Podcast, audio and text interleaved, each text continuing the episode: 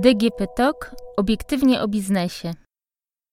Dzień dobry, nazywam się Agnieszka Pokojska, jestem dziennikarzem Dziennika Gazety Prawnej, a w studiu witam dr Agnieszkę Baklarz, biegłą rewident, członka zarządu w Abombik Kancelaria Biegłego Rewidenta. Dzień dobry, Pani Agnieszko. O e-sprawozdaniach publikowaliśmy już podcast, ale był on skierowany do członków zarządu.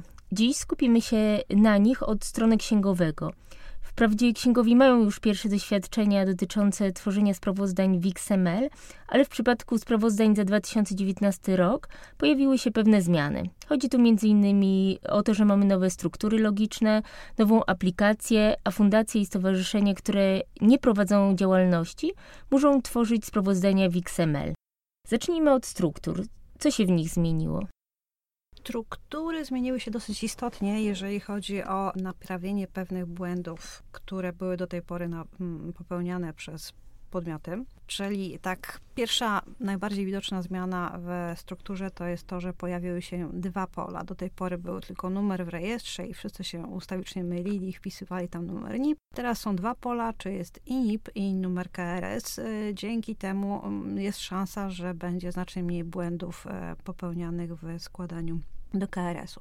Należy tylko pamiętać, żeby ten numer KRS jednak uzupełniać. Bo nie, nie jest on e, obligatoryjny, nie prawda? Nie jest on obligatoryjny, dlatego że nie może być obligatoryjny, bo część podmiotów nie ma takiego numeru, w związku z tym no, nie może go uzupełnić. Przypomnijmy, że w zeszłym roku był ten problem, że programy komputerowe automatycznie wpisywały NIP, więc y, teraz y, właściwie możemy zalecić, żeby y, księgowy jeszcze dobrze sprawdził, czy na pewno ten KRS się pojawił. Dokładnie, albo wpisał, wpisał go własnoręcznie. Kolejną rzeczą, która została poprawiona, poprawiona, w zasadzie zostało dodane objaśnienie, jest to objaśnienie do pytania o kontynuację działalności. Czyli pytanie o kontynuację działalności są dwa. Jedno z nich jest dosyć trudne, bo jest podwójnym zaprzeczeniem, czyli wskazanie, czy nie istnieją okoliczności wskazujące na zagrożenie kontynuowania przez nią działalności. Jak się to czyta, to po prostu jest to niezrozumiałe. Czyli w, w ustawie rąkowości jest to napisane dokładnie w ten sam sposób, natomiast y, w ustawie rąkowości odpowiadało się zazwyczaj pełnym zdaniem. Nie istnieją e, okoliczności wskazujące na zagrożenie kontynuacji działalności, natomiast tutaj w strukturze była odpowiedź tylko tak lub nie.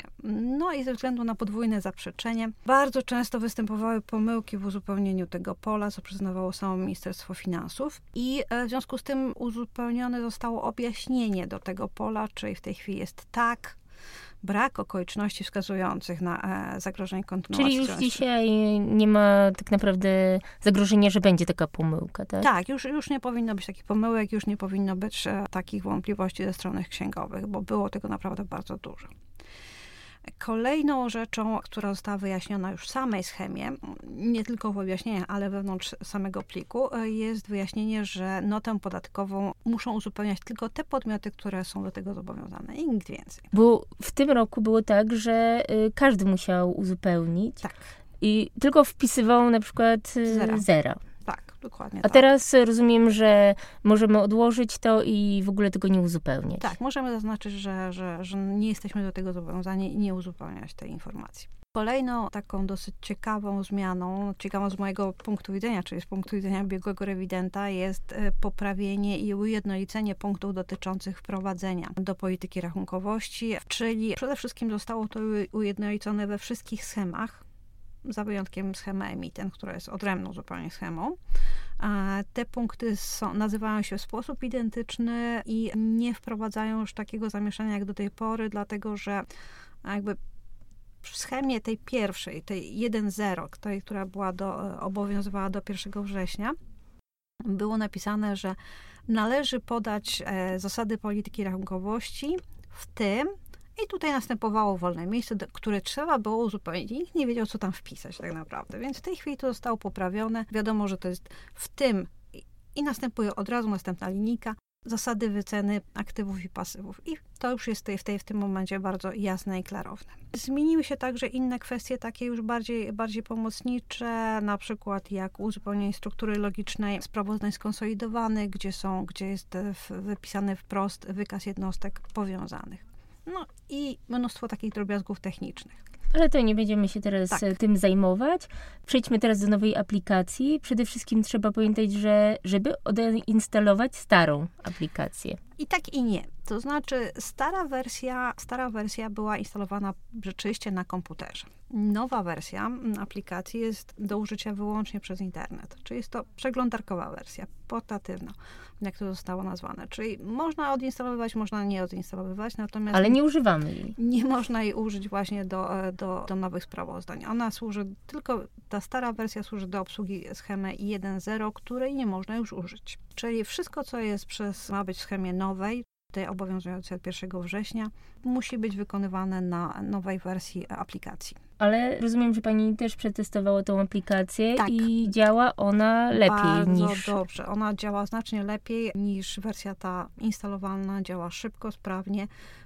Ma pewne tam drobne niedogodności, ale ja myślę, że, że to jest naprawdę bardzo dobre, bardzo dobre narzędzie dla, dla takiej normalnej obsługi e, sprawozdań finansowych. Jednak e, nie dla wszystkich jest aplikacja. Dla jakich podmiotów nie zrobimy w niej sprawozdań? W zasadzie dla wszystkich podmiotów e, finansowych, czyli mm, alternatywne spółki inwestycyjne, banki, domy maklerskie, zakłady ubezpieczeń, resekuracji, skoki, małe skoki oraz niestety sprawozdania skonsolidowane.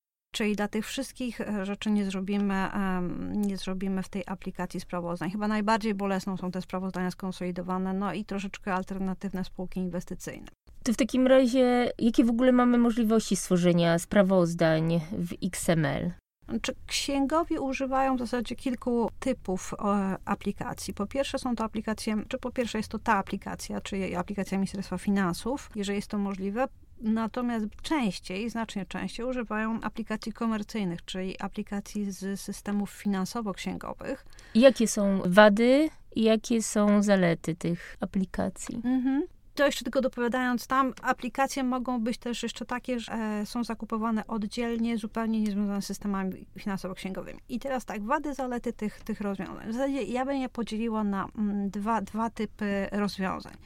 Jeden typ rozwiązania to jest e, rozwiązanie wspierające sporządzenie sprawozdania, czyli są to oprogramowania, które były już od dawna dostępne na rynku, w których można było po prostu porządnie przygotować sprawozdanie finansowe, czyli zrobić najpierw sobie, ok, tu mam środki trwałe, z tych środków trwałych wchodzi mi to do pozycji właśnie środki trwałe, czyli mam notę, i, do, I, ta nota mi się później przenosi na samo sprawozdanie we wszystkich możliwych miejscach. Czyli ono wspiera poprawne tworzenie takiego sprawozdania. I z tych oprogramowań, oczywiście w sposób naturalny, powstały oprogramowania, które generują XML.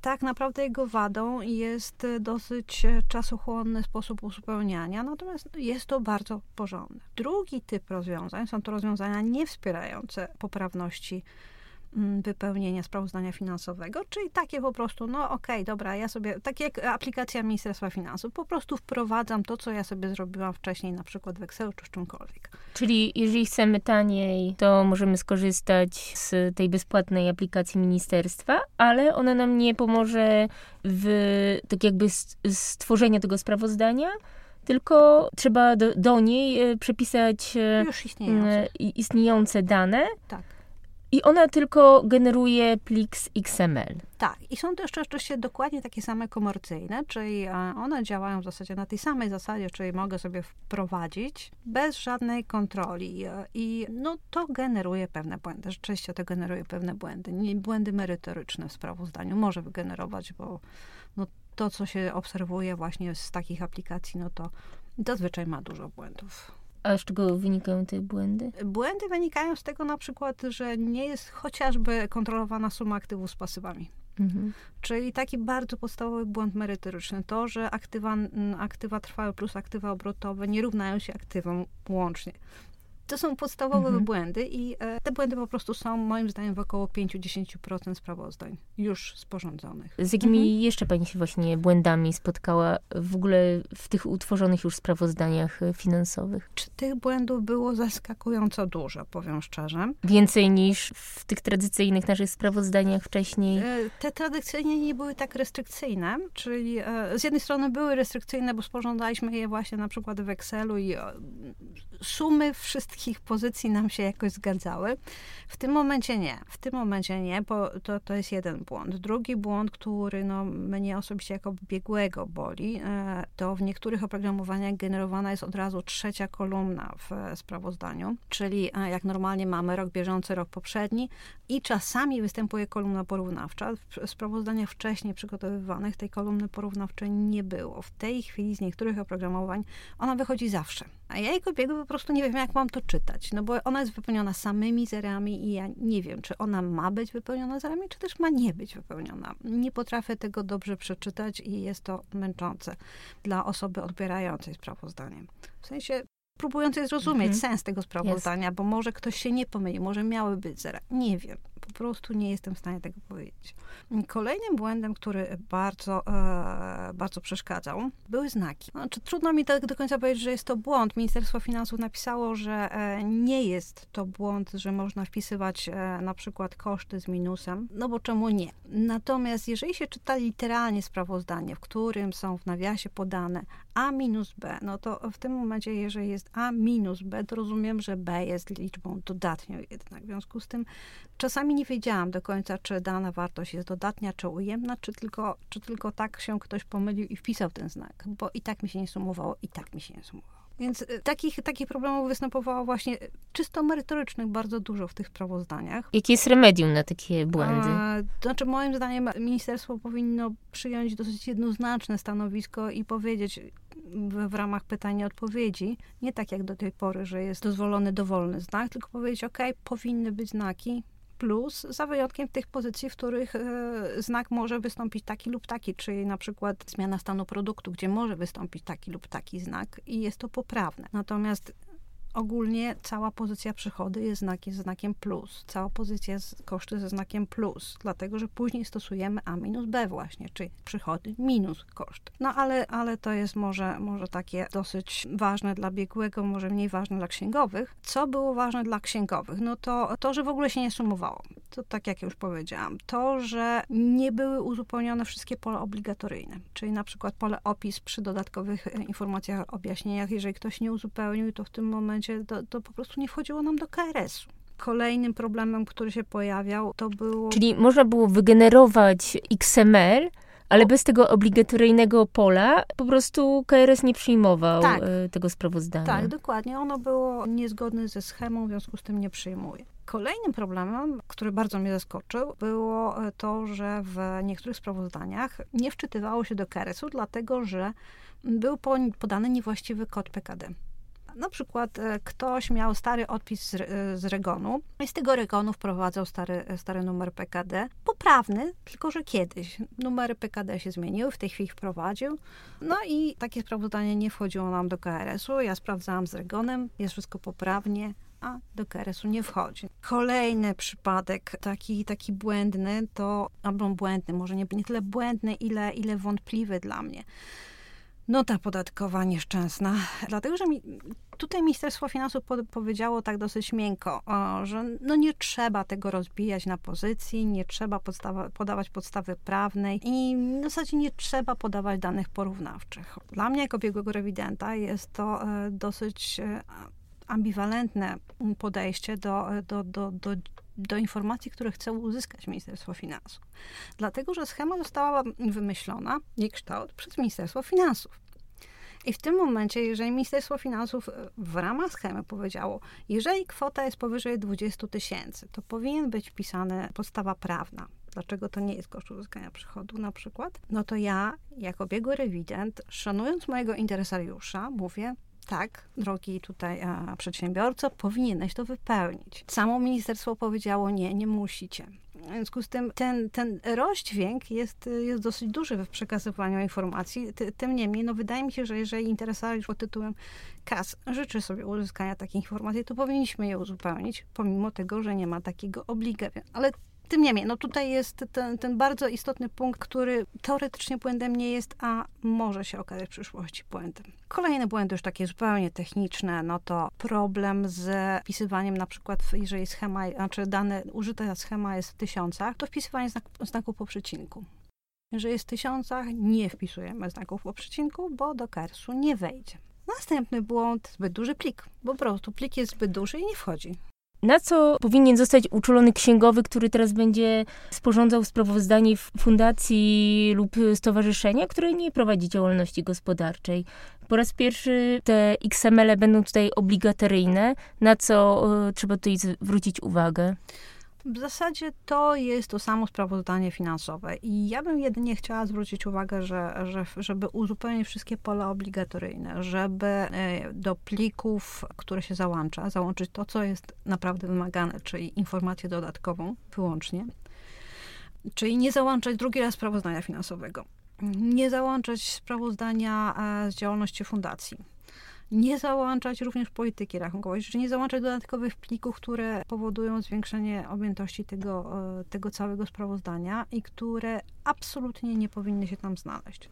W sprawozdaniu finansowym jako załącznik powinien się znaleźć wyłącznie dodatkowe informacje i objaśnienia. Kolejną rzeczą, na którą chciałabym im zwrócić uwagę, czyli fundacjom i stowarzyszeniom księgowym, że nie muszą uzupełniać tej noty podatkowej zazwyczaj że mogą zaznaczyć, że jej nie uzupełniają i w związku z tym to troszeczkę im ułatwi całość e, przygotowywania sprawozdania. Poza tym, oczywiście, to na co muszą zwrócić uwagę, to samo co wszyscy inni, czyli żeby sprawozdanie się sumowało.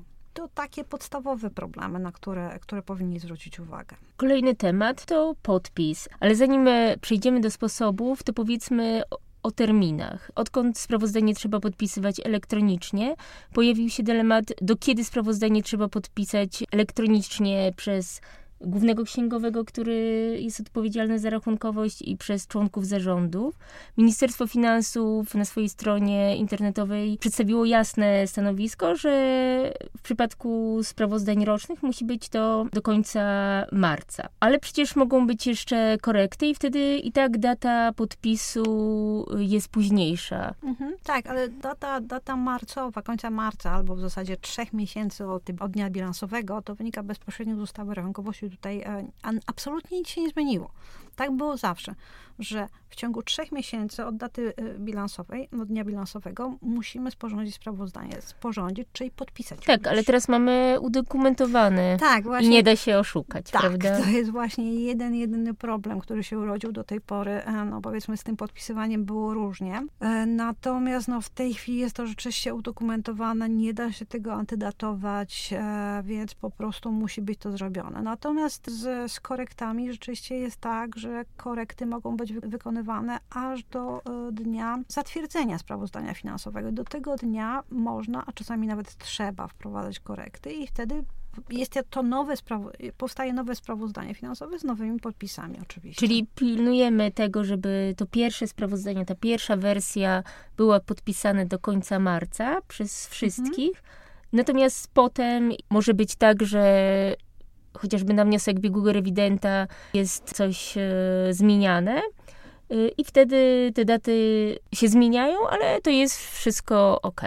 Tak, dokładnie jest wszystko ok, nic się nie dzieje. Nie musi być to wniosek biegłego rewidenta, wystarczy, że zaistnieje istotny fakt istotny fakt, którego nie ujawniliśmy w sprawozdaniu finansowym, jeżeli jest istotny i powinniśmy go ujawnić i o tym powinni wiedzieć wszyscy interesariusze, po prostu powinniśmy to zrobić. Od 2020 roku pojawi się natomiast nowy sposób podpisywania sprawozdań. Chodzi o podpis osobisty, to znaczy elektronicznym dowodem osobistym.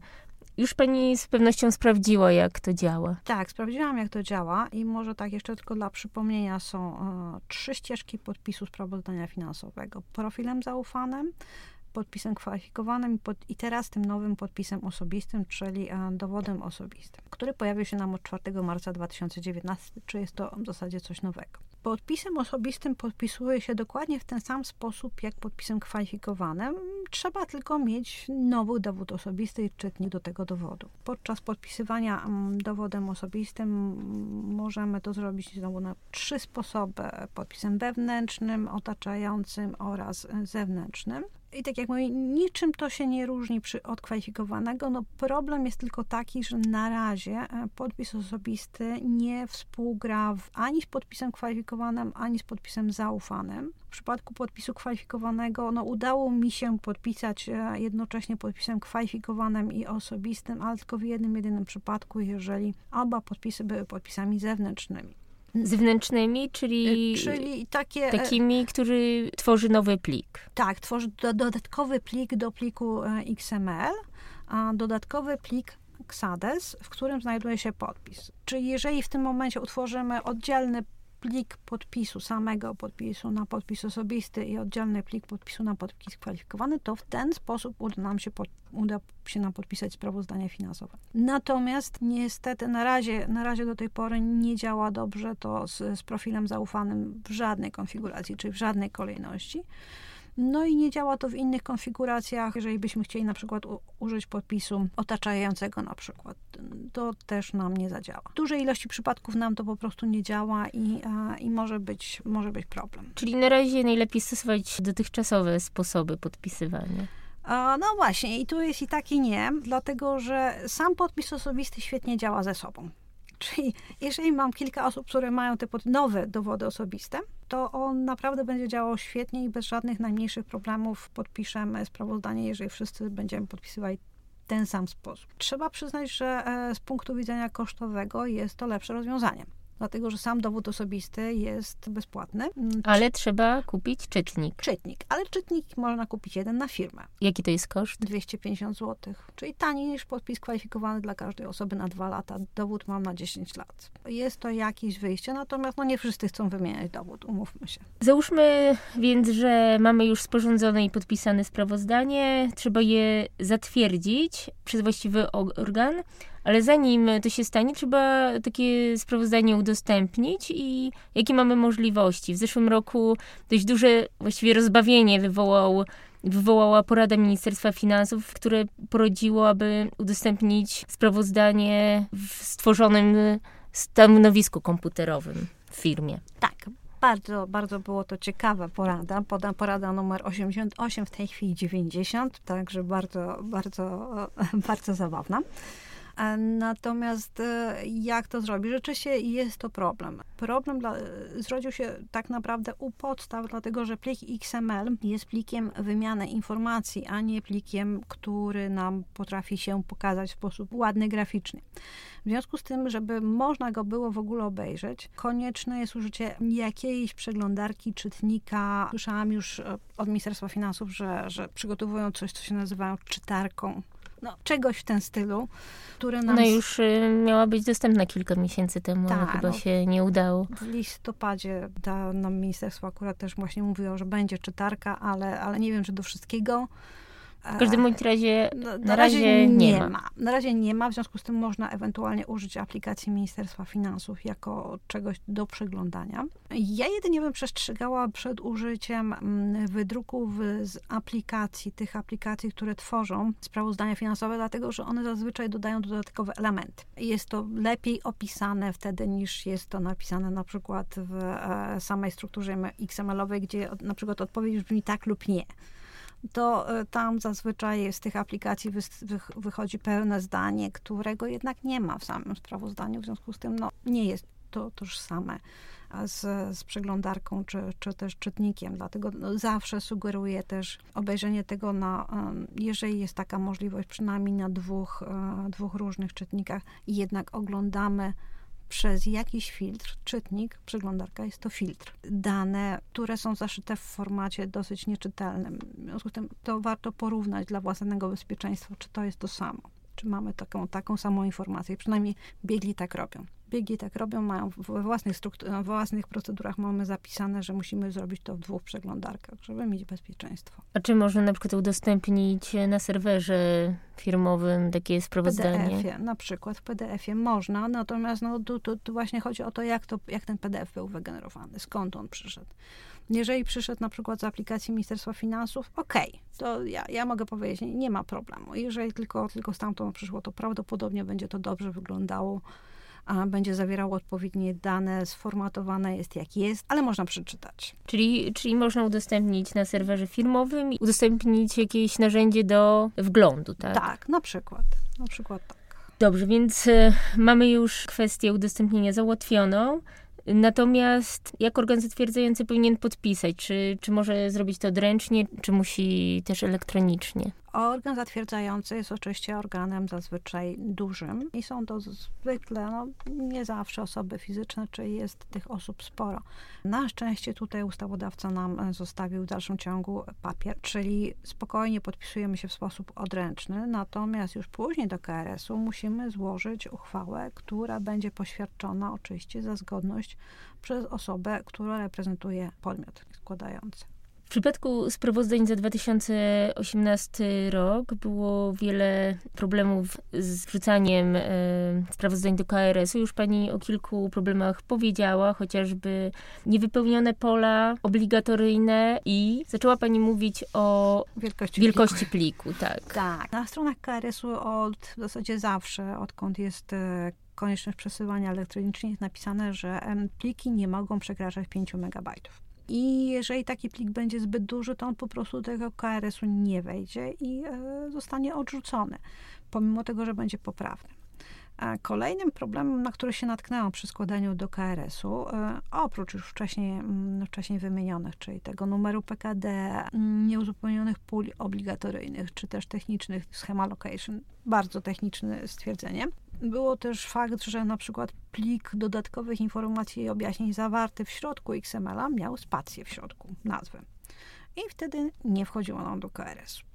Ale ten błąd to jest na tyle e, taki mały błąd, który można, rozumiem, zlikwidować, czy, czy nie? Nie można, właśnie nie można. Sprawozdanie już jest podpisane.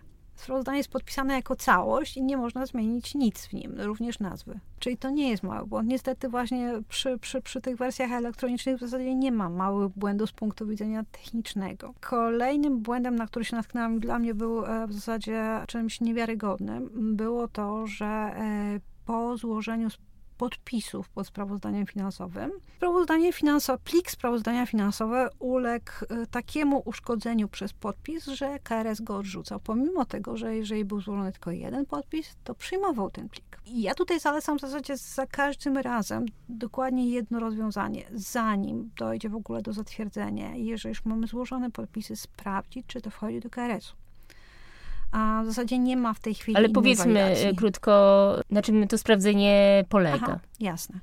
Księgowy e, może utworzyć własny e, login, wejść e, sobie do, do KRS-u i w tym momencie wchodząc do KRS-u, on może dołączyć te pliki, które będą miały później podlegać uchwale. Dołączenie jest naprawdę proste i nie powoduje żadnych skutków prawnych. Jest to po prostu tak jakby, no jak księgowanie w buforze, czyli testowo sobie dorzucam do KRS. Czyli nie, nie składamy tego sprawozdania, nie. tylko y, dochodzimy do, pe do, pewnego momentu, z którego możemy się wycofać. Tak, poza tym my, my, nie możemy przejść dalej, dlatego że żeby przejść dalej, zatwierdzić e, złożenie do KRS-u, potrzebny jest podpis e, osoby z zarządu. Czyli jeżeli wykonuje to księgowe, jest to absolutnie bezpieczne, nic się nie stanie. Natomiast e, z punktu widzenia firmy jest to kluczowe w zasadzie, żeby dokonać takiego testu, żeby, żeby być pewnym, że to, co zrobiliśmy, to całość tego pliku wejdzie nam do tego KRS-u. Ale cały czas mówimy, mówiąc o tych błędach, mówimy o tym jednym sposobie wysyłania sprawozdań, czyli poprzez bezpłatny system. Tak, w zasadzie e, składanie przez system płatny, czyli przez S24, jest oparte o negatywną przesłankę. Negatywna przesłanka, jeżeli chodzi o składanie do, do KRS w formacie bezpłatnym, występuje tylko w dwóch przypadkach. Jeden e, to jest brak numerów jakichkolwiek numerów PESEL, któregokolwiek, no, wszystkich członków zarządu, czyli żaden z członków zarządu nie posiada numeru PESEL i w związku z tym nie można użyć ścieżki bezpłatnej. I druga przesłanka jest to e, przesłanka związana z tym, że składa to radca prawny i tutaj no to ja proponuję dokładnie rozpoznać te przepisy odnośnie um, składania. Dlaczego? Dlatego, że no, spotkałam się z tym, że bardzo wiele przedsiębiorców złożyło e, sprawozdania przez um, S24. S24 jest Czyli ten drugi system płatny. Płatny jest e, trybem składania takim, że angażujemy jeszcze dodatkowo sędziego, referendarza do sprawdzania naszego sprawozdania. Czyli i tak wrzucamy ten plik, i tak wrzucamy ten plik sprawozdania. Natomiast mówimy jeszcze, że ma być to sprawdzone przez sędziego referendarza i trwa to czasami strasznie długo. I jeszcze na dodatek wykonujemy to w sposób niezgodny z prawem, bo je, jeżeli, jeżeli na przykład wykonaliśmy to, a jeden z członków zarządu miał numer PESEL wpisany do KRS. Także no, sugeruję, żeby jednak używać ścieżki bezpłatnej, znacznie szybszej mm, i znacznie lepiej przetestowanej. O tak. Powiedzmy jeszcze dokładnie, jakie dokumenty powinny y, znaleźć się w KRS. Y, na forach internetowych jest dużo wątpliwości, które z nich powinny być w XML, a które nie. W XML-u oczywiście składamy w zasadzie wyłącznie sprawozdanie finansowe, za wyjątkiem tych przypadków, kiedy ono nie jest e, wymagane w XML-u, ale wtedy, kiedy ono jest wymagane w XML-u, to ma być złożone w XML-u. Oprócz tego, e, jeżeli mamy obowiązek sporządzenia sprawozdania z działalności, czyli sprawozdania zarządu, e, to składamy to w formie PDF-owej podpisane również podpisem elektronicznym i tutaj nie ma od tego odstępstwa pod tym sprawozdaniem musi być podpis elektroniczny. I oprócz tego oczywiście składamy uchwały, dwie, dwie uchwały o zatwierdzeniu sprawozdania finansowego oraz podziale wyniku e, finansowego. Uchwały te są e, skano, po prostu skanami uchwał podpisanymi powiedzmy za zgodność z oryginałem przez osobę z zarządu, jedną osobę z zarządu, bo to jest już za zgodność potwierdzenia. Co w przypadku odmowy podpisania sprawozdania przez członka zarządu? Jeżeli członek zarządu odmówi podpisania sprawozdania, taką odmowę powinniśmy również załączyć. Natomiast no, jest to oczywiście wtedy PDF. On może mieć format dowolny, czyli może być to skan. Nie, nie widać tutaj, dlaczego, dlaczego musiało być to podpisane podpisem kwalifikowanym. Słyszałam o takich przypadkach, że, że niektórzy członkowie zarządu odmawiają podpisu pod sprawozdaniem, bo nie mają podpisu elektronicznego. No, to nie jest podstawa do e, odmowy. Podstawą do odmowy jest wyłącznie kwestia merytoryczna. Nie zgadzam się ze sprawozdaniem, a nie. Właśnie wracając właściwie do tego te, tematu podpisu, ponieważ e, pierwszy raz e, w zeszłym roku trzeba było podpisać tymi elektronicznymi, było do, do, dość dużo wątpliwości, chociażby z tego względu, że nawet jeżeli spółki, czy stowarzyszenia, czy fundacje mm, nie prowadziły działalności gospodarczej, nie musiały sporządzać e, sprawozdań w XML, to musiały to je sporządzać elektronicznie, chociażby w PDF-ie. Tak. I wtedy pojawił się argument, że na przykład w przypadku e, sprawozdań e, finansowych właśnie stowarzyszeń czy fundacji jest bardzo dużo na przykład starszych osób, które nie są zaznajomione z, z informatycznymi kwestiami i czy w związku z tym każdy powinien y, podpisać sprawozdanie finansowe. No ale tutaj odpowiedź jest tylko jedna, że każdy musi. Każdy musi. No, to wynika bezpośrednio z ustawy o rachunkowości, że musi podpisać kierownik jednostki, czyli w zasadzie każda osoba która jest wewnątrz tego organu. Zboczyliśmy na chwilę z tematu. Ja chciałabym wrócić właśnie do um, składania sprawozdań do KRS i jak teraz wygląda sprawa przekształconych spółek. W pewnym momencie e, system nie przyjmował w ogóle takich sprawozdań, jak jest e, teraz. Teraz sprawa się e, z jednej strony uprościła, z drugiej strony skomplikowała, dlatego że jeżeli chodzi o spółki przekształcone, czyli te nowo powstałe, Problem był z tym, jeżeli one się przekształcały bez zmiany, bez zamknięcia sprawozdania, czyli w przypadku spółki ZOO na spółkę akcyjną, bądź też odwrotnie, czyli bez zmiany, bez zmiany osobowości, czy podmiotu, czyli albo osoba fizyczna, osoba fizyczna odgrubcza, albo, albo osoba prawna, osobę prawną. I wtedy można nie zamykać okresu, nie tworzyć nowego sprawozdania. I chodziło właśnie o takie. Więc w tym przypadku to w KRS-ie już można złożyć bez problemu takie sprawozdanie. Problem natomiast pozostał, może zrobił się troszeczkę inny, przy spółkach, które y, uległy przekształceniu, czyli tym pierwotnym spółkom.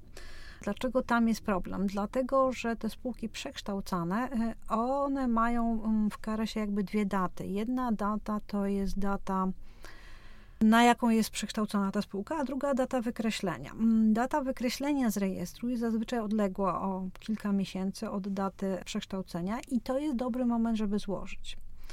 A zazwyczaj, no, tak jak widziałam, może tak, no nie, nie ma tu jasnego przepisu, tak jak widziałam, jest to około do trzech miesięcy. I jeżeli w tym okresie uda nam się złożyć, czyli przed wykreśleniem z KRS-u w sposób bezpłatny, no to jesteśmy w domu, mamy złożone sprawozdanie. Jeżeli nam się nie uda złożyć, to powinniśmy złożyć to do repozytorium przez, um, przez opcję płatną S24. Problem polega tylko na tym, że sądy czasami odmawiają przyjęcia takiego sprawozdania, ale to już sądy. Wynika to z tego, że jeżeli a, zarząd złoży, zarząd po, po, po tych trzech miesiącach złoży takie sprawozdanie, a to według sądu on nie jest władny reprezentować tej spółki przekształconej. W związku z tym powinien wykonać to radca prawny. Czyli no tak, chyba taka jest, chyba taka jest właściwa procedura w tym. W Czyli tym w jakiś tam sposób mamy rozwiązanie tak, tego w jaki problemu. sposób mamy. Mamy złożone już sprawozdanie do KRS-u. Teraz spółki nie muszą e, przesyłać fiskusowi sprawozdań, ale muszą to robić osoby fizyczne i teraz będą musiały zrobić stowarzyszenia i fundacje. Jaki mamy tutaj sposób? W przypadku no. osób fizycznych nie ma problemu, bo y, po prostu mamy tą aplikację sprawozdanie finansowe mhm. na stronie Ministerstwa Finansów. No właśnie i powiem szczerze, akurat na ten problem zwróciłam Ministerstwu uwagę e, jeszcze w listopadzie, że w zasadzie te fundacje, fundacje i stowarzyszenia nie mają niczego do przesłania do, do, e, do kasu. Natomiast no, odpowiedź była prosta i krótka zrobimy, żeby można było przy użyciu tej aplikacji jednak wysłać. Taką odpowiedź też e, dostała nasza redakcja, no że w, w, styczniu jeszcze ma taka opcja się pojawić. Mhm. Natomiast e, ja bym chciała zwrócić uwagę na to, że e, o ile do KRS-u możemy wprowadzić w sposób testowy, testowo sprawdzić, czy plik jest poprawny, o tyle przy wysyłce do kas jest troszeczkę gorzej. I gorzej lepiej. A wczytując do aplikacji tej Ministerstwa Finansów, dane sprawozdanie, my dostajemy jakąś informację pod tytułem, że coś się, e, coś się tej aplikacji nie podoba, natomiast nie mamy pewności, czy ona nam wejdzie do tego do tego kasu, czy nie. No nie, tutaj, tutaj nie mamy żadnego narzędzia weryfikacyjnego, więc no to jest taki mm, dla mnie jeszcze, jeszcze zagadka, jak, jak poprawnie powinniśmy podejść do testowania tego pliku, czy on jest zgodny ze schemą, czy nie. Trochę sama aplikacja testuje, ale z drugiej strony no, ma, ma czasami zaskakujące błędy bądź brak komunikatów o błędach. O tak. Czyli jeszcze na koniec e, dodam, że stowarzyszenia i fundacje, e, jeżeli chodzi o sprawozdania za 2018 rok, miały możliwość przekazywania na przykład na pendrive tak. do Urzędu Skarbowego. Teraz e, tej możliwości nie będzie, bo trzeba po prostu przekazać sprawozdanie szefowi KAS. Jeżeli prostu trzeba czekać na y, sposób, który wskaże Ministerstwo Finansów i prawdopodobnie będzie to właśnie możliwość przesyłania sprawozdań przez y, aplikację sprawozdania finansowe. Wydaje mi się, że dużo ciekawych problemów tutaj omówiliśmy. Dziękuję za rozmowę. Ja również dziękuję za rozmowę.